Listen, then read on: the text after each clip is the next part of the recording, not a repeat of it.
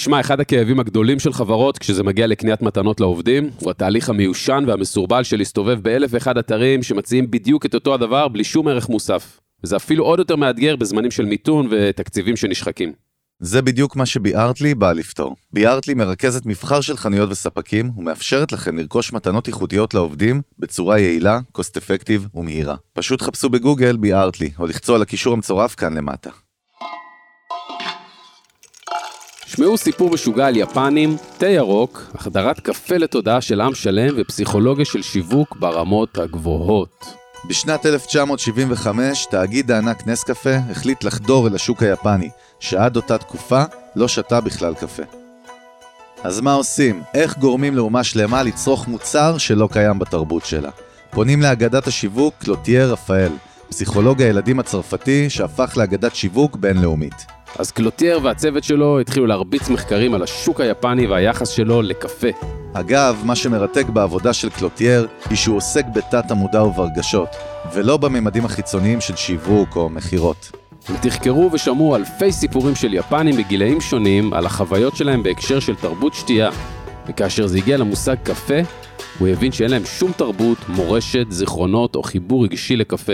פשוט אין.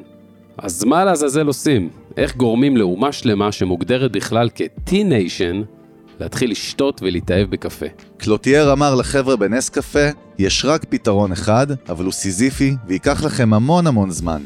אבל אם תצליחו לעמוד בו וליישם אותו, אתם תשלטו בשוק היפני ללא עוררין. הפתרון שלו היה שנס קפה ייצרו ממתקי קפה לילדים.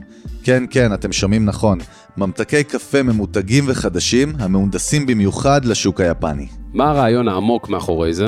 ילדים גדלים והופכים למבוגרים, וצריך לזרוע לילדים את הזיכרונות, הרגשות והנוסטלגיה לקפה, ולמותג נס קפה. וכשהם יגדלו, הם כבר יהיו לקוחות שבויים. קיצור, צריך לייצר תרבות חדשה. וזה בדיוק מה שנס קפה עשתה. היא התחילה לפמפם את מותגי הממתקים שלה בשוק היפני.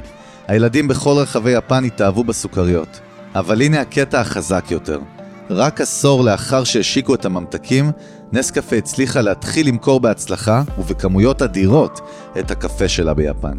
הסבלנות וההיצמדות לאסטרטגיה מהונדסת אפשרו לנס קפה להפוך לשחקן הכי עוצמתי ביפן. והיום יפן נחשבת לאחת מצרכניות הקפה ביחס לאוכלוסייה מהגבוהות בעולם. שזה פסיכי לגמרי, והכל הודות לנס קפה בכלל.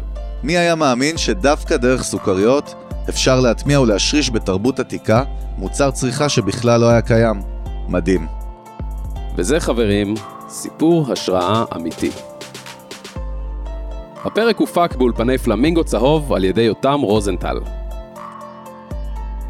אם התחברתם לפרק הזה, אז תעשו לנו פולו בספוטיפיי או באפל פודקאסט. שתפו את הפרק הזה עם אנשים שאתם חושבים שזה יכול לעזור להם, או לתת להם השראה, ואנחנו ניפגש כאן בפרק הבא. מתי זה יהיה, מחר או מיד אחרי הפרק הזה? תגידו אתם. אנחנו היינו אלון ברק וחגי גולדובסקי.